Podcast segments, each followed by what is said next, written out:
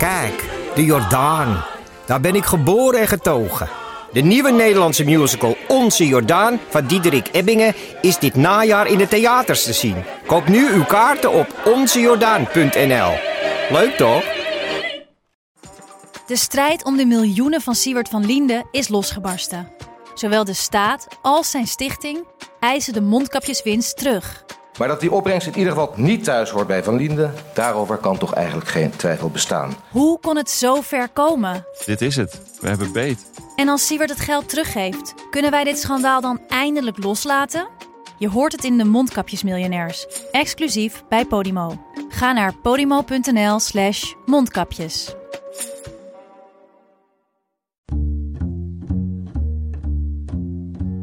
Hallo, vanaf de redactie van de Groene Amsterdammer is dit uw wekelijkse podcast. Ik ben Kees van der Bos.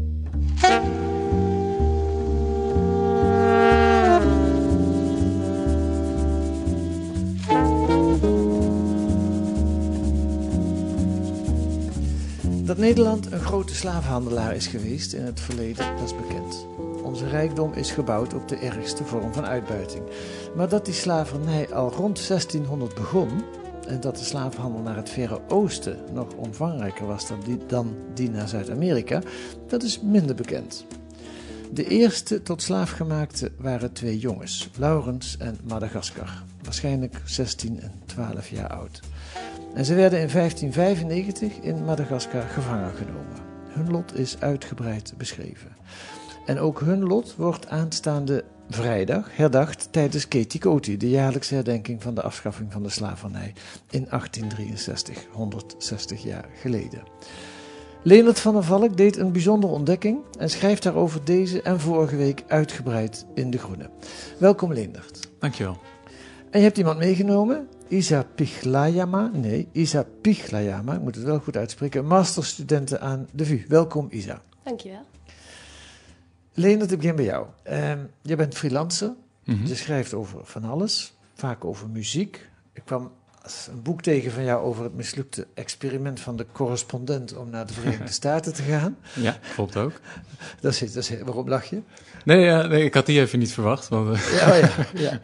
Hoe kom je nou op dit onderwerp, slavernij? Ja, dat, dat komt wel een beetje toch uit de muziek voort. Eh, dus ik, ik heb veel geschreven over hoe, eh, ja, hoe muziek zich eigenlijk beweegt rondom de Atlantische Oceaan. Nou, daar heeft eh, het slavernijverleden een grote invloed op. Hoe natuurlijk. muzieksferen elkaar beïnvloeden? Ja, precies. En, en, en nou ja, heel veel muziek die wij, wij horen, van jazz tot blues tot rock and roll eigenlijk, hip-hop. ja, da- daar zit natuurlijk uiteindelijk al, al- allemaal eh, een slavernijverleden achter. Want er zijn allemaal Afrikanen uiteindelijk eh, in eh, Noord- en Zuid-Amerika terechtgekomen. Ehm, dus dat kun je ook zeg maar historisch bekijken. En ehm, vanuit daar ben ik, ben ik de laatste jaren gaan, gaan zoeken naar ehm, wanneer is het eigenlijk begonnen. Niet zozeer per se de muziek, maar op een gegeven moment vragen gesteld van wanneer kwamen de eerste Afrikanen in Noord-Amerika aan. En toen ik dat een keer had uitgezocht, wat overigens met eh, Nederlandse inmenging eh, kwam, eh, tot stand kwam. Ehm, toen dacht ik, ja, dat moeten we eigenlijk ook eens weten over Nederland. Wanneer is nou eigenlijk het eerste geval van slavernij? Want we weten veel over de afschaffing. En veel over ja, de omvang daarvan op het hoogtepunt. Mhm. Maar op het moment dat ik vragen stelde over het begin ervan, was eigenlijk heel erg veel onduidelijk. Ook vanuit de kant van historici. Is daar niet een heel helder antwoord op. En het begint echt zoals je nu zegt, het begint met een eigen vraag van wanneer is dat eigenlijk begonnen? Eh, ja, ja, En Dat- toen had je nog geen idee wat dat zou gaan opleveren. Nee, niet precies. Nou, eh, is het eerste verhaal wat je snel tegenkomt, is het verhaal wat deze week erin staat van eh, 1596, als er 130 Afrikanen in Middelburg aankomen. Ja. Dus dat is een logische om mee te beginnen. Nou is het zo dat dat altijd heel erg wordt gezien als een, als een vreemd voorval. Een, eh, ja, eh, eigenlijk iets wat, wat, eh, wat een toeval zou kunnen zijn. Ehm, maar naarmate ik me er verder in eh, verdiepte, kwam ik eigenlijk zoveel andere voorbeelden tegen die niet goed beschreven zijn, die ook niet in databases staan bijvoorbeeld. ja. Ehm, dat, eh, ja, dat ik al snel het vermoeden kreeg van, nou ja, volgens mij is dat niet een voorval. Maar als we eens goed gaan zoeken, dan, dan kun je daar eigenlijk eh, alweer wat meer structuur in vinden. En er zijn een heel aantal uh, historici die dat inmiddels ook uh, ja, wel, wel onderschrijven. Maar het is nog steeds niet goed uitgezocht. Nee. Nee, je beschrijft het nu een beetje by the way, zal ik maar zeggen. Maar eigenlijk is het een tamelijk spectaculaire conclusie van jouw onderzoek. Dat de slavernij al veel eerder begonnen is dan we tot nog toe dachten. Dus al Mhm. rond 1600. En niet als incident, Ja. maar ook echt als structureel. Mhm. En, en, en, en eh, nou noem ik maar meteen de grootste conclusies van jullie onderzoek, dat de slavenhandel naar het oosten veel groter was nog dan die naar de Verenigde Staten, Zuid-Amerika bijvoorbeeld. Ja, ja daar, daar, worden dus, eh, dat is alleen te onderbouwen met schattingen. Want eh dit is dus heel erg eh, moeilijk, omdat er geen database is, omdat er heel weinig onderzocht is over die slavernij in de Oost. Maar de schattingen daarvan, die, liggen, die beginnen al hoger dan het totaal aantal wat we nu weten eh, van de eh, transatlantische slavernij. Ja. En dat is overigens iets wat, wat bijvoorbeeld een historicus als Reggie Bay al eh, in 2015 ook daarover heeft geschreven. En Matthias van Rossum ook.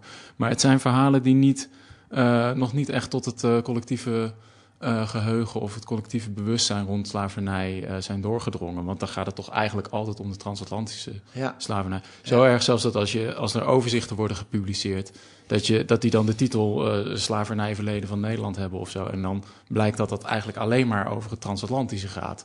Waarbij we dus naar schatting 600.000 tot 1,1 miljoen mensen even buiten dat verleden laten. ja, en dat is ongeveer twee keer zoveel als dat er geschat wordt dat daarna. Ja.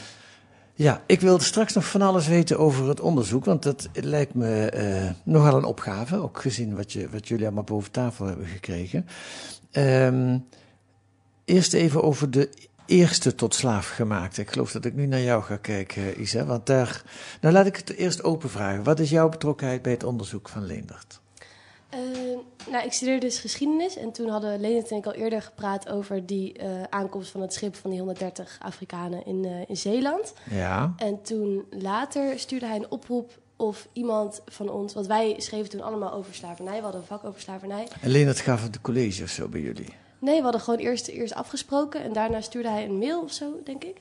Over eh, of iemand ooit iets had gehoord van Laurens en Madagaskar, die twee jongens. En ik had toen, ik schreef toen een onderzoek over alle aanwezigheid van zwarte mensen in Nederland in de eind 16e eeuw, begin 17e eeuw. En ik had dus ook over Laurens en Madagaskar al iets gelezen, maar echt maar één klein dingetje.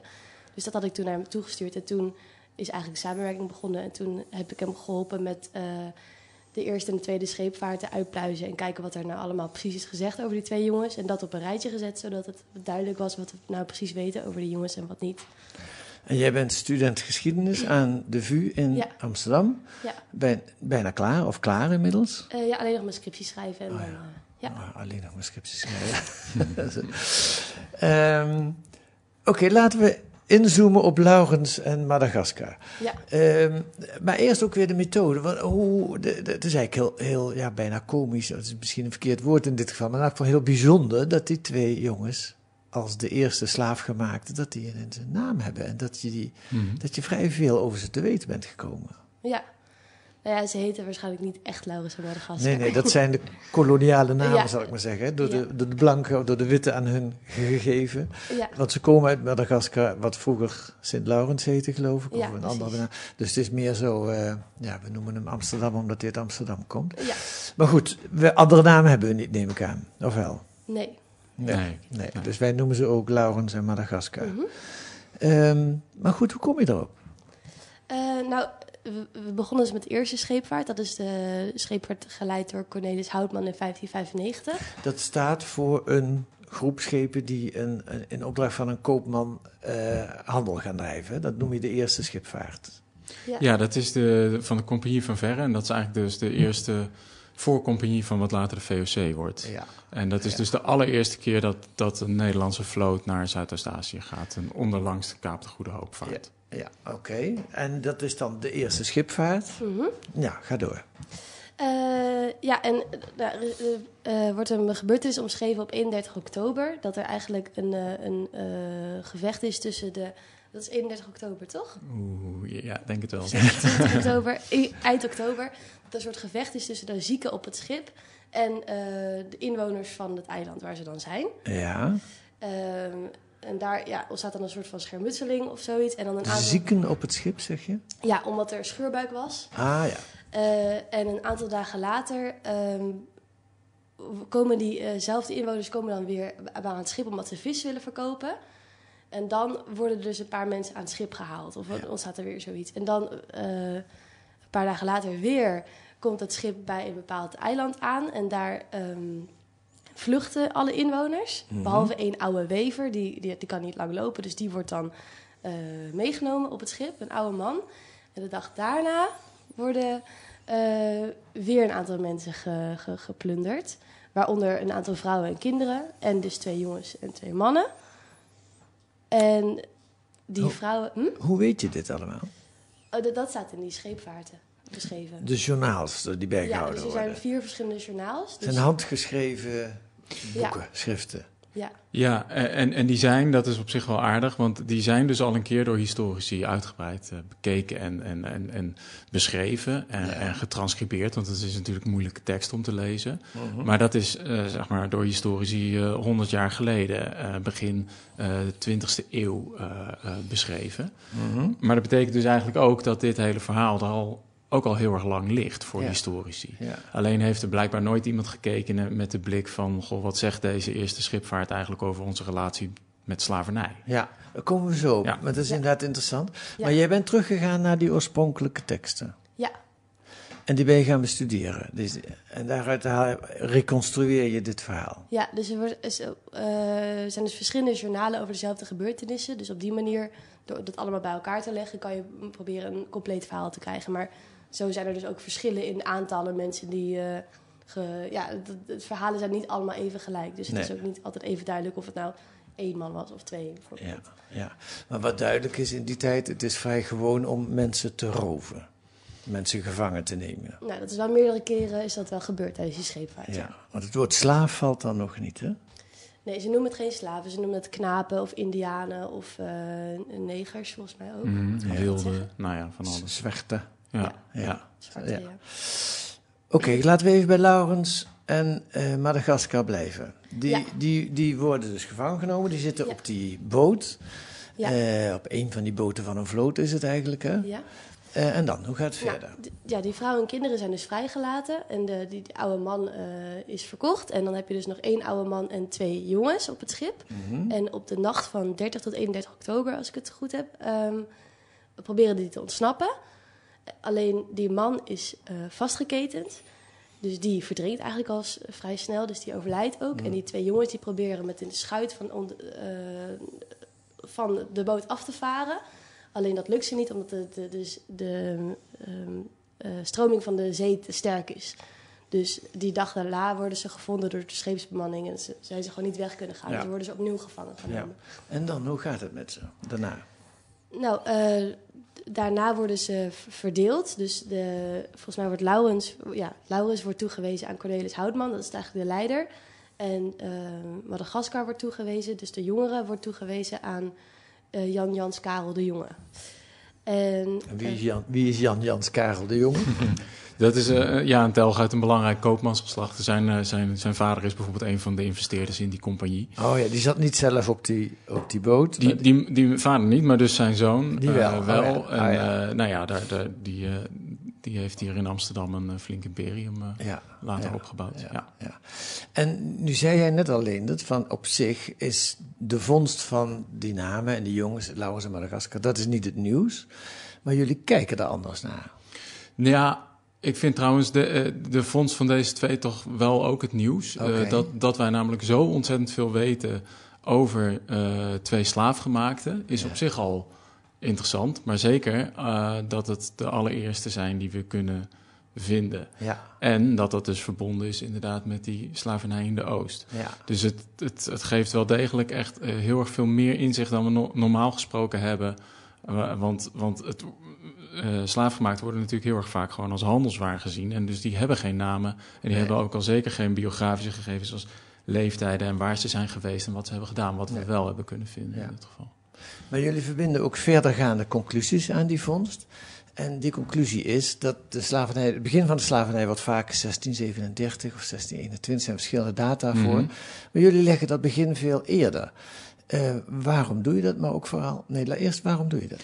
Nou, um, want die, die aanname van 1637 bijvoorbeeld, en dan wordt Fort Elmina veroverd en dan is de infrastructuur eigenlijk in handen van de Nederlanders om in slaven te handelen. Waar is Fort Elmina? Uh, Fort, Fort, Elmina is op de kust van Afrika, okay. uh, westkust van Afrika in Ghana. Okay. Dat is het grootste slavenfort en dat wordt dan overgenomen van, van Portugezen. Ja. En dan zijn er ook plantages in Brazilië veroverd. Dus dan is het idee van, nou, vanaf dan uh, hebben Nederland, heeft de Republiek slaven nodig mm. om, uh, om de koloniale uh, gewassen en zo te gaan verbouwen. Um, maar wat we dus eigenlijk meteen al merkten, is dat tegen die tijd er in de Oost, in, in Zuidoost-Azië, al tienduizenden mensen zijn verhandeld uh, in, onder, uh, of in VOC-gebied. Door uh, Nederlanders? Door Nederlanders. Er zijn allemaal verslagen van begin 17e eeuw, dus, dus zeg 30 jaar voor dat, dat moment van Elmina, waarin, ja, waar, waar er echt om, om, om honderden duizenden slaven wordt gevraagd. Hmm. dus, um, nou ja, als je het kijkt, slavernij in het algemeen, dan is het onzin om te zeggen dat begint in 1637 of, of, of in 1621 met de oprichting van de WIC. Want we hebben dat, dan laat je dus dat oostelijke gedeelte buiten beschouwing. Oké, en waarom is het belangrijk om dat 30, 40 jaar eerder te leggen, dat begin van de slavernij? Nou ja, we, uh, we, we herdenken uh, bijvoorbeeld met Ketty Kotti uh, het einde van de slavernij. Dan lijkt het me goed om te, om te weten wanneer het begon. en het zegt natuurlijk nou, het, het buiten beschouwing laten van die hele Indische Oceaan, zeg maar, lijkt me ook een uh, vorm van geschiedvervalsing uiteindelijk als je, ja. dat, uh, uh, als je dat niet vertelt. Um, dus, en het laat ook heel erg zien dat, um, dat, dat voor Nederland, voor Nederlandse handelaren, er eigenlijk al heel erg snel een, een soort scheiding komt uh, tussen woord en daad. Dus er wordt nog lang gezegd van, kijk, iedereen is het erover eens dat het, dat het moreel onjuist is, slavernij. Ja, dat, dat, vond ik, dat wist ik niet. Dat vond ik opvallend om dat in, in jouw, jullie artikel te lezen. Het was in die tijd, ook in Nederland, de, de Republiek van de Zeven Nederlanden is in opkomst, mm -hmm. was het eigenlijk moreel verwerpelijk. Nou ja, dat, dat, dat was wel. Er was onder andere het idee van ja, Nederland wordt tot slaaf gemaakt door Spanje. Ja. En uh, dus het idee van slavernij is heel duidelijk voor iedereen, is iets heel ergs wat je kan overkomen. En er, is dus heel, er wordt in heel erg veel bochten gevrongen om het dan toch uiteindelijk uh, te verklaren. Uh, waarom het dan blijkbaar wel oké okay is om, uh, uh, om Afrikanen te verhandelen of wat dan ook. Ja. Dus het is niet zo dat meteen iedereen ervan overtuigd was van wat we doen is fout. Maar er, wordt, er is heel erg veel voor nodig om het goed te praten. Ja. Wat natuurlijk aangeeft dat iedereen op zijn klompen aanvoelt dat het niet oké okay is. Als ik het zo lees, dan is het een soort dubbele moraal. Die Zeker. eigenlijk nog steeds bestaat. Hè? We drijven ja. handel met Poetin, we drijven handel met China. De, handel, de, de handelsman en de dominee. Mm -hmm. uh, dat was toen ook al dus. Dat was toen ook al zo. Dus het, het uh, andere verhaal is er eigenlijk een goed voorbeeld van. Uh, in Middelburg komen die 130 mensen aan. En in eerste instantie zegt de burgemeester van, van Middelburg dan ook... deze mensen moeten vrij zijn. Dat had er ook mee te maken dat ze al gedoopt waren. Laten we ze even plaatsen. Het zijn 130 mensen die komen ja. op een Nederlands schip aan. En die, die heeft dat Nederlandse schip niet zelf geroofd in Afrika... maar heeft het van een ander schip overgenomen. Dat was tot nu toe de aanname. Ja. Maar het uh, lijkt er nu zeer sterk op dat ze gewoon gekocht zijn door een Nederlandse schipper. Dat is een van de uitkomsten van jullie onderzoek. Ja, ja. precies. Ja. Maar om dat, dat die dubbele moraal aan te geven, aanvankelijk zegt dus de burgemeester: deze 130 mensen die mogen hier in vrijheid zijn, want er bestaat geen slavernij in de Republiek. Nee. Um, en dan maakt de koopman, de Rotterdamse koopman Pieter van der Hagen, maakt daar bezwaar tegen. En die gaat naar de Staten-Generaal. En in eerste instantie wil de Staten-Generaal daar niet zoveel mee. Zegt nee, het afgewezen. Twee weken later doet hij nog een beroep. En dan zeggen ze, oké, okay, uh, hij mag doen zo hij het verstaat. Hij wil ze weer meenemen, hè? dat is de Ja, hij wil, hij wil ze uiteindelijk natuurlijk ergens kunnen verkopen. Want ja. het was zijn handelswaar. En in Nederland kon In het Nederland kon het niet. Maar hij wilde mee naar Lissabon, wat waarschijnlijk altijd al het, het, het uh, plan was. Hm. En, uh, en, en daarvan zeggen de Staten-Generaal uiteindelijk, nou ja, doe dat dan maar. Hm.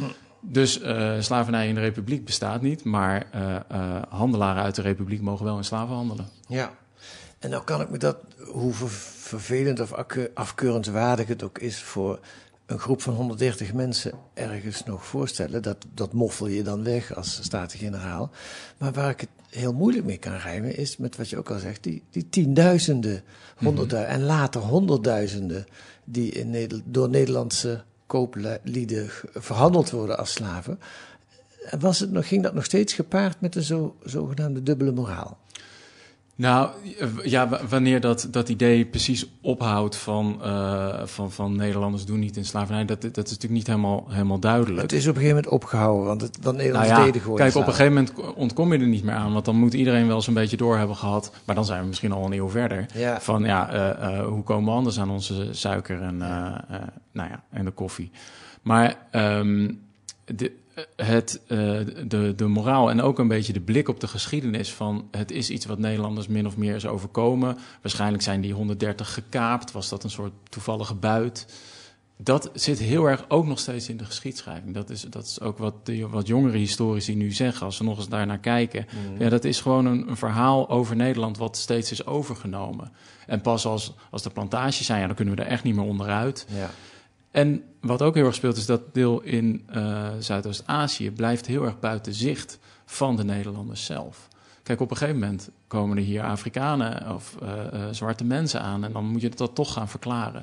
Dat is voor de Indi Indische Oceaan heel anders, want daar speelt dat, blijft dat heel erg zo in die regio en komen er niet zoveel mensen uiteindelijk terug. Mhm. Dus daarom zijn wij later steeds meer gaan kijken. Het is een van de verklaringen waarom we later steeds meer zijn gaan kijken naar slavernij als een puur transatlantisch ding.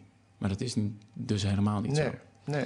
nee, dat is eigenlijk heel opmerkelijk. En zeker omdat het niet om een, uh, uh, zijtak gaat, maar het gaat Nee. eigenlijk om de hoofdtak. Daar Ja. zijn de meeste slaven van. Het, het begon er dus eerder met Laos en Madagaskar. Ja. En het, en het uh, heeft uiteindelijk meer mensen betroffen. Ja. Maar het was ook wel iets wat... Sorry. Nee, ga door. Nou, ik denk dat er ook wel een soort gedachte was van... oh, als we mensen naar Nederland schepen, dan dat doen we ze iets goeds of zo. Want dan maken we ze christelijk en dan geven we ze een goede... Ja. Tenminste, dat, maar misschien is dat ook een deel van dat, uh, het goed praten naar jezelf. Mhm. Nou ja, dat, dat is inderdaad een argument wat vaak ook wordt. eh, en dat, dat uiteindelijk mensen beter af zouden zijn. Het verheffingsideaal. Ja. Ja. want bij dat scheep in Zeeland was er toch ook zo'n kijkdag van alle Zeelanders. Dat je dan iemand mocht uitkiezen en dan mits je hem een christelijke opvoeding gaf. Ja, nou ja, dat is, de interpretatie van die uitspraak is wel van, eh, dat, dat ze gewoon eh, eh, als, als arbeiders moeten worden gezien. Mhm. En niet zozeer als, als, als slaaf die je mag uitkiezen. Maar, Mhm. maar het is wel dat idee. Ja, maar goed, er moest iets met die mensen, want die Ja. waren opeens in Middelburg. Ja. Ja. Wil ik zo nog over doorgaan, maar ik wil even een zijstap maken. eh, eh, naar jullie als onderzoekers. Want het is een, een, nogal een groot project wat je hebt aangepakt. Ik kijk vooral naar Leendert, maar jij komt er vanzelf wel bij, Isa, want je hebt ook een deel gedaan. Eh, even terug, jij hebt die vraag. Wanneer is de slavernij begonnen? Dat is een, een soort journalistieke nieuwsgierigheid. Laat ik dat eens gaan uitzoeken. Eh, probeer eens te beschrijven wat er dan gebeurt. Hoe heb je dat aangepakt? Ehm, nou ja, eh, heel veel lezen, zoals volgens mij ook eh, onderzoek begint. Ja. Van wat, wat weten we er al over? Maar je begint er gewoon in je eentje aan. Je denkt, eh, Ja. je bent freelancer, je moet ook Mhm. wel geld verdienen op de een of andere manier. Ja, klopt. Nou ja, daar, eh, daar eh, eh, is, oh, heeft ook het Fonds Bijzondere Journalistieke Projecten heel erg bij geholpen. Die, eh, die hebben dat ook een vooronderzoek mogelijk gemaakt. Oh, je hebt bij- hun eh, voor dat vooronderzoek een aanvraag Ja, ingediend. precies. Nou, Ja. daar ben je overigens niet, eh, niet, niet eh, helemaal mee uit te kosten, maar dat helpt natuurlijk enorm. Mhm. En, eh, eh, en moeten afspraken maken met de groenen en zo. Maar het is een heel erg groot eh, project. En, Ja. en daar zit inderdaad ook gewoon heel erg veel in de avonturen eh, lezen en puzzelen van, van hoe, hoe, hoe Ja. zit het nou precies met die reis en zo. Maar ja, goed, het is ook gewoon heel erg leuk om te doen. Ja, ja maar ook wel bijzonder, want jij gaat lezen en puzzelen en je komt op, in de loop van het proces kom je eh, Isa tegen als Mhm. studenten. Maar het is best opmerkelijk dat jij als toch relatieve buitenstaander dan ineens eh, tamelijk bijzondere ontdekkingen doet. Hoe kan dat? Eh, ja, ja, nou dat is inderdaad wel waar. En die moet ik natuurlijk, of tenminste, het is waar dat ik buitenstaander ben. Eh, ik- en die moet ik dus ook steeds toetsen aan mijn bevindingen, aan wat historici daarover zeggen Dus je natuurlijk. zoekt veel contact. Dus er zijn veel mensen. Dienke Hondius is, is degene die me in contact heeft gebracht, ook met Isa. Ja. Maar ehm, eh, Pepijn Brandon heeft me veel geholpen, Mark Ponte. En eh, voor het verhaal van eh, 1596, daar was eh, Gerard de Kok al heel erg mee bezig. En dat zijn allemaal historici die zich nu ehm, ja, eh, met, met, eh, met slavernijverleden bezighouden. En ook net wat andere kijk hebben vaak dan historici hiervoor hebben gedaan. Heb jij hun nog nieuwe dingen kunnen vertellen? Ehm, goh, nou ja, ik, ik, ik denk in zekere zin wel eh, op sommige vlakken. Ja, dat is uiteindelijk als je je zo in, ingraaft in iets, dan, eh, dan wordt het bijna een proefschrift natuurlijk. Dus, Ja. eh, maar het is ook, weer- kijk, het gekke van die Lauwens en Madagaskar is bijvoorbeeld dat ze inderdaad al een keer ergens in een zinnetje worden genoemd. Alleen de, het idee van, hey, zijn dit misschien de allereerste? En wat weten we allemaal nog meer van ze en wat vertelt ons dat? Dat is, dat is een vraag die nog niet echt gesteld is. En uh, ook het bezien van die hele vroege periode, daar is eigenlijk niet zo heel erg veel uh, over bekend. Ik kwam gewoon nog uh, schepen tegen waarvan dan gezegd werd van nou, onderdeks zit het vol met slaafgemaakten. die helemaal niet beschreven zijn in, een, in overzichten of in databases. Dus wat ook een beetje het idee geeft van als ik die zo en passant tegenkom, dan is er natuurlijk nog veel meer. Ja, ja. ja. goed lezen, praten met historici. Uh, heb je, ben je ook in de originele documenten gedoken? Ja, voor, uh, voor dat verhaal van de uh, 130 in Middelburg wel. Ja. En dat werd echt een puzzel van wat heeft die kapitein nou precies uitgespookt. En, ja. en daarvoor hebben we ook wat nieuwe documenten ja. kunnen vinden. Ja, en, en ook daarvoor heb ik dan uiteindelijk natuurlijk ook hulp nodig bij mensen die dat, dat schrift goed, goed kunnen lezen. En even in tijd, hoe lang heb je hieraan kunnen besteden? Ik ben er denk ik ehm, uh, anderhalf jaar geleden mee begonnen. Uh, maar goed, ben niet fulltime bezig. Maar dat is wel een beetje het tijdspad. Ja, ja. Oké, ja, wel bijzonder. Um, laten we even verder kijken naar Laurens en, en Madagaskar. Ik kijk weer naar jou, Isa. Kun je in wat grotere stappen vertellen hoe het... Ze komen op een gegeven moment aan in Zeeland... Ze, hoe, nee, ze komen... Tessel. Oh ja, ze komen ja. op Tessel aan. Ja. Verdomd, ja. Uh, en dan, hoe gaat het verder? Nou, van die tijd in Nederland is eigenlijk niet zo heel veel bekend. Uh, er wordt pas weer veel over ze geschreven als ze meegaan op de tweede scheepvaart in 1598. Waarom gaan ze mee? Ja, ze hebben op die eerste scheepvaart zich bewezen als hele nuttige... Ja, dus ze konden snel de taal leren ja. en ze waren van goede begrijpen. Ze wisten waarschijnlijk de weg daar, dus, dus ze waren daar heel nuttig. Ja. En het waren blijkbaar hele slimme jongens die heel snel heel veel leerden. Uh, en toen zijn ze dus later meegaan op die tweede scheepvaart. Dus... Waren ze toen uh, tot slaafgemaakte? Of waren ze als ze echt serieuze matrozen aange, ingehuurd, weet je dat? Nou ja, ze waren kajuitsjongens, dienstjongens. Dus ze, ze, ja, waarschijnlijk wa waren het slaafgemaakte, maar dat werd dus niet expliciet gezegd dat ze nee. slaven waren. Er werd nee. gesproken van zwarte of knapen en ze ja. werden verdeeld onder Cornelis Houtman en Jans, ja, Jans, Jan Jans Karel de Jonge. Dus als zodanig ja. gingen ze ook mee op die tweede schipvaart. Ja, dus waarschijnlijk stonden ze wel onder hun als een soort dienaar, niet ja. als een uh, onafhankelijk ja. mens. Dat betekent dat ze drie jaar nadat ze ge gekaapt waren, stonden ze weer vlakbij, uh, kwamen ze met de tweede schipvaart weer vlakbij Madagaskar. Ja, en ze waren dus op twee verschillende schepen zaten ze. Ze zaten niet meer op hetzelfde schip. En uh, Madagaskar is dus uiteindelijk ergens naartoe gevaren. Dat bleek uiteindelijk duizend kilometer te zijn van de plek waar hij eerder vandaan is gehaald. En daar hebben ze hem dus eigenlijk aangeboden weer terug aan land te gaan. En er zijn dus toen heel veel beschrijvingen geweest van dat moment. En er zijn een aantal uh, beschrijvingen geweest die hebben gezegd dat hij zelf niet mee wilde, omdat hij niet als, als naakte wilde, wilde jongen wilde gaan, maar graag gekleed Nederlander wilde zijn. En, maar er is één uh, vertelling die zei dat, dat het misschien wel logisch was, omdat het ook niet op dezelfde plek was als ja. hij. Uh, dus alsof je iemand in, po in, Portugal rooft en dan in Amsterdam afzegt ja. je mag weer naar huis. Precies, ja. met ook de onderlinge, er zijn beschrijvingen van dat, dat, dat heel erg veel dorpen met elkaar in conflict zijn. Dus hij, waarschijnlijk in vijandig gebied uh, zou die gedropt worden. Dus. Ja. Maar dat betekent dus, hij blijft aan boord. Ja. En, en verder, daarna, wat uh, weet je er nog van hem? Van Madagaskar? Ja, van allebei, maar laten we eerst Madagaskar doen, ja? Um, nou, ze blijven op de tweede scheepvaart, dus ze komen ook weer aan in Nederland. Ja. En de, de, wat, wat we denken is dat zij gewoon bij de, dat zij de rest van hun leven op die schepen mee zijn gegaan. Oké, okay. dat is een aanname, dat, dat, is niet meer precies gedocumenteerd. Nee, ja, dat, dat willen we natuurlijk nog wel verder uitzoeken. Tot nu toe uh, hebben we dus dat, dat ze inderdaad terugkomen, waarschijnlijk met de tweede schipvaart. Ja. En verder weten we het niet, maar dat, is, dat uh, prikkelt wel de nieuwsgierigheid natuurlijk. Ja, ja. Goed, die VOC, dat vond ik ook interessant in jullie artikel. Die wordt tot nog toe gezien als een soort handelsorganisatie. Uh, jullie kijken er anders naar, hè, Leendert?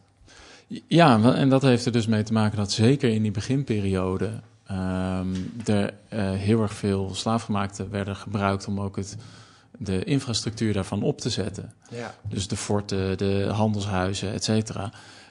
Um, het was meer een oorlogsmachine, als ik het, als ik het zo lees. Zeker, ja. Nou ja, goed, uh, dat, is, dat uh, beeld begint recent geloof ik ook wel te kantelen. We weten van de ja, genocide in Ban, op, Banda, op de Banda-eilanden eigenlijk. En um, daar, daar wordt op een gegeven moment dus de bevolking die zich verzet tegen de VOC gewoon uh, uh, uitgemoord. 15.000 mensen. Ja, en, en uiteindelijk uh, worden dus die eilanden dan ook weer bevolkt door, ja, door mensen die elders vandaan gehaald worden. Ja. Van een paar eilanden verderop eigenlijk. Ja. Dus je ziet dat dat Um, ja, dat, dat de VOC daar uh, ja, heer en meester probeert te zijn. Ja. En, en dat slavernij daar heel erg bij hoort. Uh, en dat, dat is, houdt ook niet op bij die eerste decennia. Um, maar het neemt wel een soort andere vorm aan. Dus je hebt iets minder een plantage samenleving, zoals in Zuid-Amerika. Um, maar je hebt veel meer dat, dat, ja, dat, dat het meer in de huishoudelijke sfeer uh, zit. Dus dat er, waar, waar, ook een soort sausje later overheen is gegaan, alsof dat dan uh, dus ook gemoedelijker was. Maar als je leest over de straffen en de, en de manier waarop mensen worden behandeld, dan is daar geen weinig onderscheid tussen een plantageslaaf en een, uh, en een huisslaaf, om het zo te zeggen. Ik neem aan, jij bent freelancer. Je gaat nu weer andere dingen doen? Of ga je hier nog oh, mee door? Ja, nou allebei. maar ik, ik, ja, het, uh, ik ga er graag mee door. Uh, alleen al bijvoorbeeld inderdaad die vraag van... Goh, wat gebeurt er daarna met Laos en Madagaskar? Ik vind dat erg belangrijk om te weten... wat de eerste twee mensen waarvan we weten dat ze door Nederlanders tot slaaf gemaakt zijn... hoe dat dan verder verloopt. Het zou ook heel goed kunnen dat ze hier in, uh, in de Republiek, zeg maar uh, meer vrijheid hadden hoor. Want er mm. zijn uh, zeker ook documenten uit die tijd van, van vrije uh, zwarte Nederlanders. Ze zijn ook gedoopt hè, op enig moment? Ja, Laurens is gedoopt. Of alleen Laurens? Ja, op die, op die tweede schipvaart op het eiland Mauritius, dus mm. tussen de dodo's, mm. is hij gedoopt. En, en dat is op zich ook aardig dat dat waarschijnlijk de eerste zendeling is geweest. Dus er was een zieke broeder mee of een, een, een, een geestelijke, dat ging samen.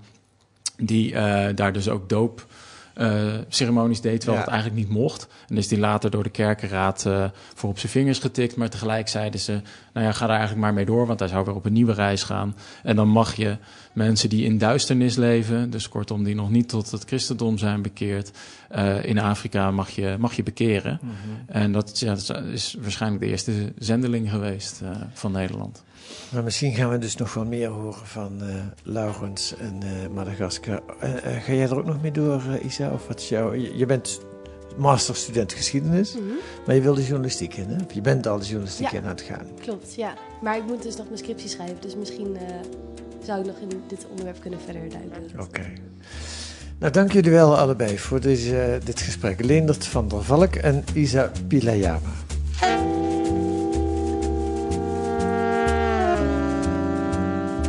Wat staat er nog meer in de Groene deze week? Een portret van Martin Heidegger. De centrale vraag is: wat kunnen we leren van deze voormalige filosofische superstar? Nu het duistere denken weer oprukt, want daar had hij ook zo de nodige eh, kennis van. En een reportage uit Denemarken. Hoe komt het dat bij onze overzeese noorderbuur de biologische landbouw wel massaal is aangeslagen? Marike Rotman zocht het antwoord op die vraag. Dat kunt u lezen met een abonnement of een proefabonnement. Wilt u weten hoe dat moet, ga dan naar groene.nl. Daar kunt u lezen hoe u 10 weken de groene kunt krijgen voor 15 euro. Wilt u reageren op wat u gehoord hebt in deze podcast, dan kan dat via de mail. Het adres is podcast.groene.nl. podcast.groene.nl. En volgende week zijn we er weer met analyses en achtergronden bij het nieuws in deze podcast van de Groene Amsterdammer, die deze week werd gemaakt door Marike de Haas en Kees van der Bos. En de muziek is A Tune for N van Paul van Kemenade.